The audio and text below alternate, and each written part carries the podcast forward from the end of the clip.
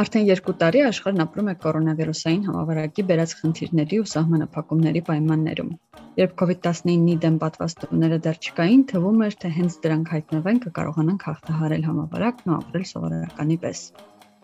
բայց այդպես չեղավ։ Գիտնականներին հաջողվեց ռեկորդային կարճ ժամանակում ստեղծել արդյունավետ եւ անվտանգ պատվաստանյութեր, բայց տարբեր երկրներում, այդ թվում Հայաստանում, կառավարություններին չհաջողվեց բավականաչափ պատվաստել իրենց բնակչությանը, իսկ հակապատվաստումային շարժումները նոր եւ ուշքին թափ հավաքեցին։ Խորանալու թեմայի այս թողարկման ընթացքում կխոսենք հակավաքսերից, որոնց գործունեությունը վերածվել է քաղաքական ակտիվիզմի ու ընդօրինակել քաղաքացիական հասարակության գործելավոճը։ Մենք Մեդիայեմի փաստեր շտկող լրագրողներն ենք։ Ես Կարինե Ղազարյանն եմ։ Ես Արշալույս Բարսեղյան եմ։ Այսօր մենք մենակ չենք։ Մեզ միացել է Մեդիայեմի գլխավոր խմբագիր Գեգամ Վարդանյանը, որը այս երկու տարիների ընթացքում խմբագրել է համավարակի մասին մեր գրած տասնյակ հոդվածները։ Վերջին հոդվածներից մեկը, որ ես ու Արշալույսը միասին գրեցինք, պատմում էր հենց նրա մասին, թե ինչպես են հակավաքսերը օգտագործում քաղաքացիական հասարակության գործիքակազմը, որպեսզի լայն զանգվածներին հասցնեն հակագիտական բազմիցս հերկված տեղեկությունը եւ ձևավորեն պատվաստումների հանդեպ մեծամասամբ անհիմն վախ։ Եղան ողջույն։ Ողջույն Կարինե, ողջույն Արշալույս։ Երևի իրոք վերջին հոդվածի մասին սկսենք խոսակցությունը ու երևի մի քանի կետերով կարճ հիշեցնենք թե ինչի մասին էր հոդվածը։ Եթե կարճ կետերով խոսենք, երևի ավելի հեշտ կլինի մեր մեծ լսողներին պատկերացնել թեման ընդհանուր։ Հա, իրականում այս ինձ շատ հետաքրքրող թեմա էր, թե ինչպես են հակավաքսերը հիմնում հասարակական կազմակերպություններ, սեփական կայքեր,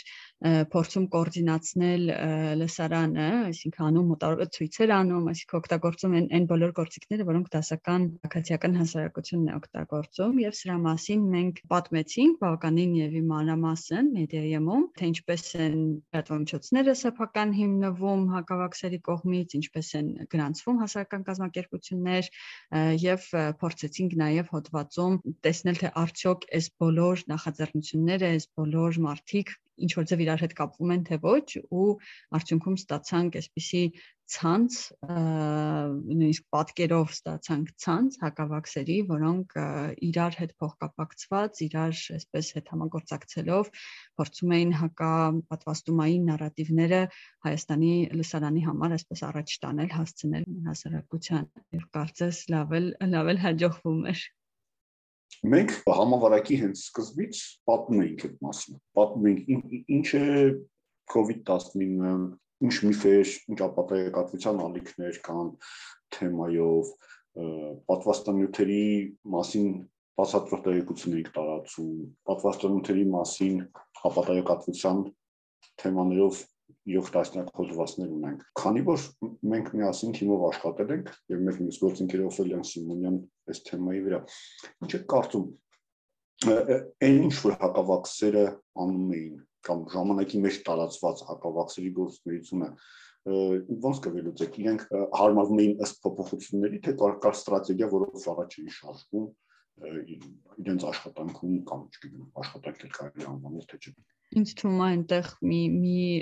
կարևոր բան որ պետք է նշենք, այդ դրսի տեղեկության ընդօրինակումն էր, հա։ Հակապատվաստումային նարատիվները մենակ Հայաստանում չեն տարածված, ամբողջ աշխարհում դրանք լայն տարածում են գտնում, հատկապես համավարակի օրերին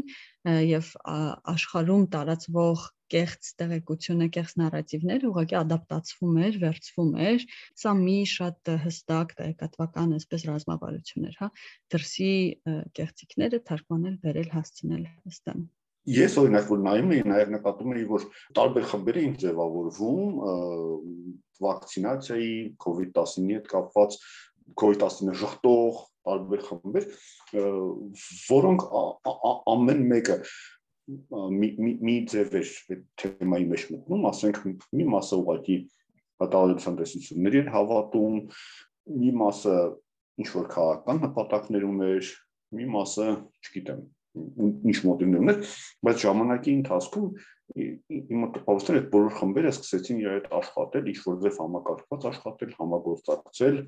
այդպիսի տպավորություն ասած, չգիտեմ, դուք համաձայն եք թե չէ։ Իրականում Գեղամքո ասացի ապացույցները մենք կարողացանք գտնել այս նյութանելու ընթացքում կային այսպես առանձին անհատներ կամ կային առանձին կազմակերպություններ, ում գիտեինք, բայց երբ որ սկսեցինք այսպես ցանկ հավաքել, հա, ովքեր են հակավաքս ակտիվիստները, կազմեցինք եւ կազմակերպությունների եւ նախաձեռնությունների ցանկ, նաեւ անհատների ցանկ, ու երբ որ ամբողջը փորձում էինք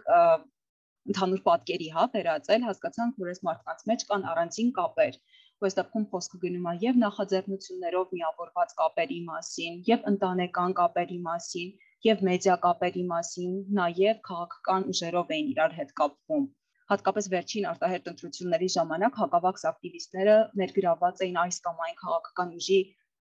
նախընտրական ցուցակում Ես մի օրինակ էստեղ երևի բերեմ, բոլորիս հայտնի երևի Հայաստանի ամենաակտիվ հակավաքսերից մեկը Մարինա Խաչատրյանը, որը եղել է Երևանի ավականու անդամ եւ հիմա տարբեր քաղաքական նախաձեռնությունների հետ է համագործակցում արտահերտ ընտրություններին 2021 թվականի ներկայացված էր հայոց հայրենիք կուսակցության շարքերում ու ուներ մի մի ուրիշ կուսակից եւ այս կուսակցի հետ միասին դրանք հիմնել էին տեղեկատվական հարթակ, որը կոչվում է Փաստար KM եւ Փաստար KM-ը զբաղված էր միայն գրեթե գրեթե միայն հակապատվաստումային տեղեկություն տարածելով եւ երբ մտնում էիր Փաստար KM, այնտեղ ոչ, ոչ մի տեղեկություն չկար նրա մասին, թե ով են այս կայքի սեփականատերերը, ով է կայքի խմբագրությունը, ովքեր են կայքի հետևում կանգնած, բայց ես հիշում եմ, որ Արշալիսը կարողացավ այսպես փոքրիկ հետաքննություն անցկացնել եւ ողրզել, որ կայքը փոխկապակցված է Մարինա Խաչատրյանի հետ։ Բացի Փաստարկեմից կա նաև մի մեկ ավելի հայտնի օրինակ, որը Medmedia-ը, որը հիմնել է Գևորգ Գրիգորյանը, նա նույնպես այսպես քաղաքական կուսակցությունների հետ փոխկապակցված է, արտահերտ ընտրություններին պատիվ ունեմ դաշինքի նախընտրական ցուցակում էր, բայց խորհրդարան չանցավ։ Նա կայքը հիմնել էր ԱՄՆ դեսպանատան տված դրամաշնորով եւ սա դարձավ մեծ սկանդալի առիթ միջազգային բարբերականները նույնիսկ հեղինակավոր անգլիական The Guardian թերթը գրեց նրա մասին որ ԱՄՆ դեսպանատունը Հայաստանում ֆինանսավորել է կայք որը կեղծ լուրեր է տարածում կորոնավիրուսի մասին իհարկե դեսպանատունը դրանից հետո ասաց որ դադարում է համագործակցությունը մեդմեդիայի հետ բայց կայքը կա կայքը ապրում է, կայքը ակտիվ է եւ շատ հաճախ սխալ տեղեկություն է տարածում եւ նույնպես այսպես փաստարկ գեյմի պես դարձել է գործիք, հա, չեմ ուզում ասեմ զենք, բայց դարձել է գործիք տեղեկատվական, որի շնորհիվ հակավաքս ակտիվիստները կարողանում են իրենց մտքերը հասցնել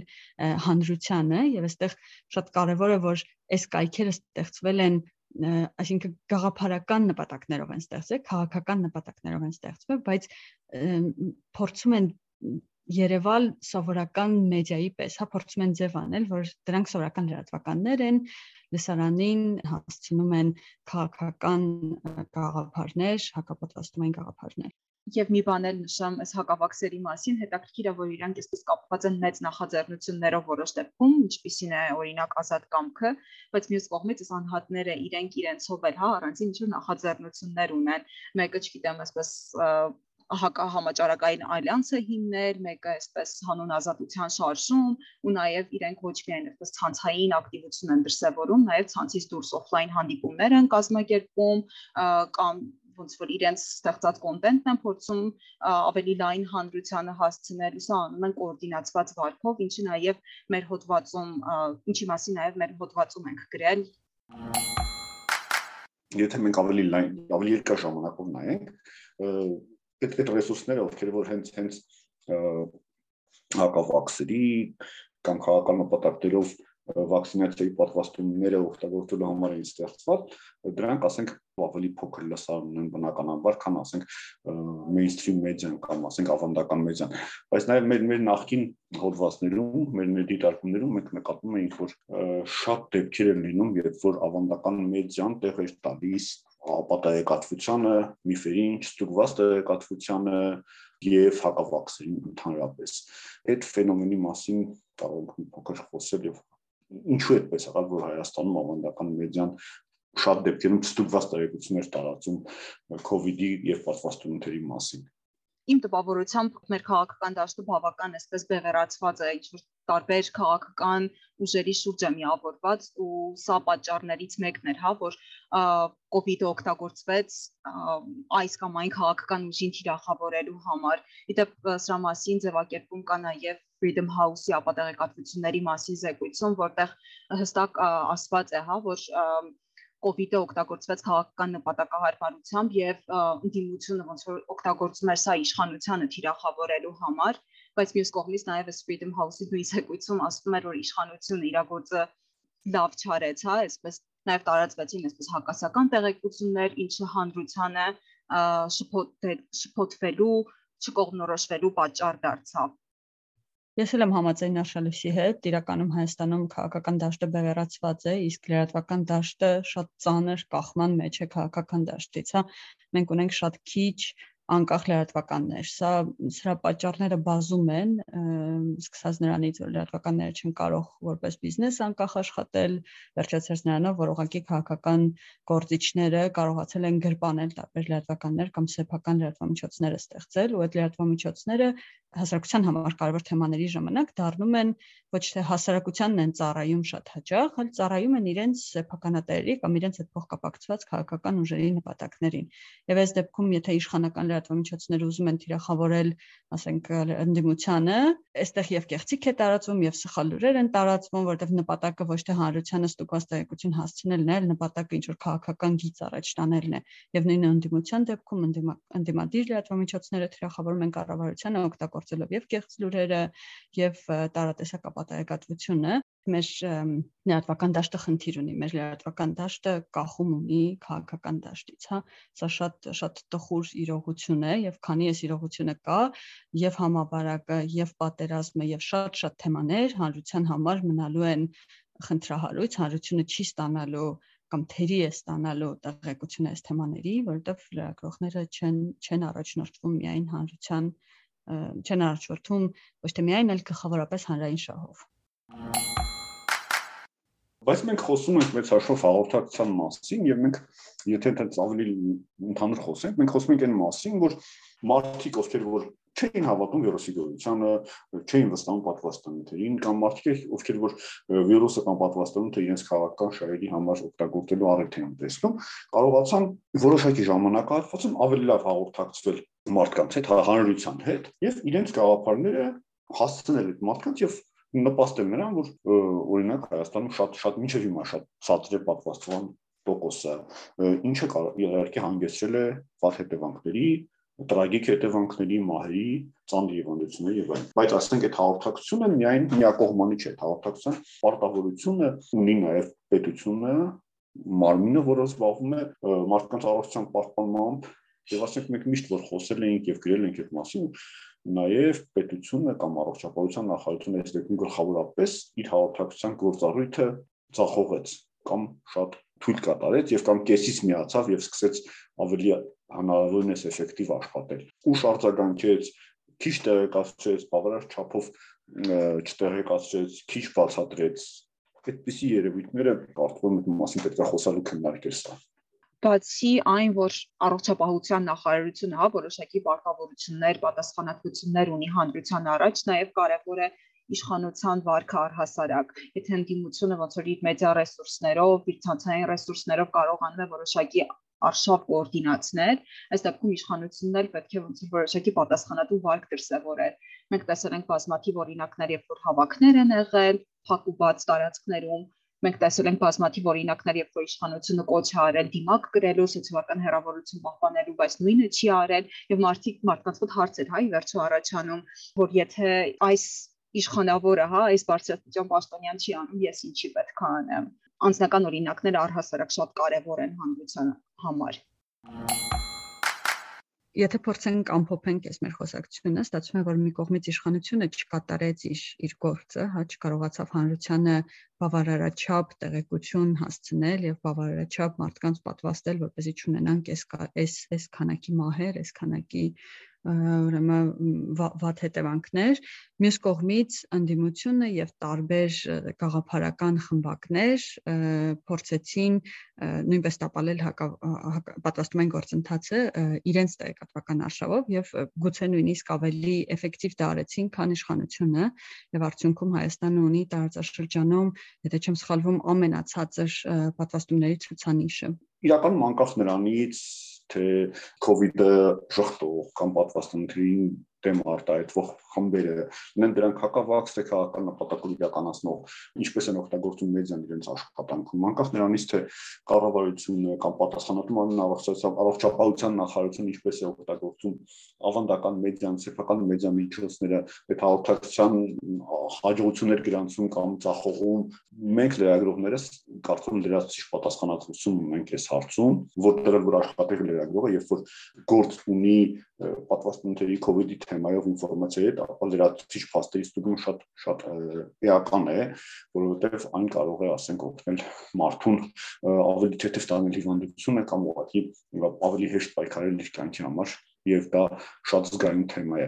Այս այն մտքերից մեկն է, որ միշտ փորձում ենք առաջ տանել մենք մեդիայում, մեդիա նախագծների կենտրոնի մեդիայում կայքը եւ մեր աշխատանքում հաստատի ստուգումը, որ արել ենք այս թեմայով, գլխավոր նպատակներից մեկը հենց ապատայակացությունը դիմագրավելն է եղել եւ կարեւոր է որ մենք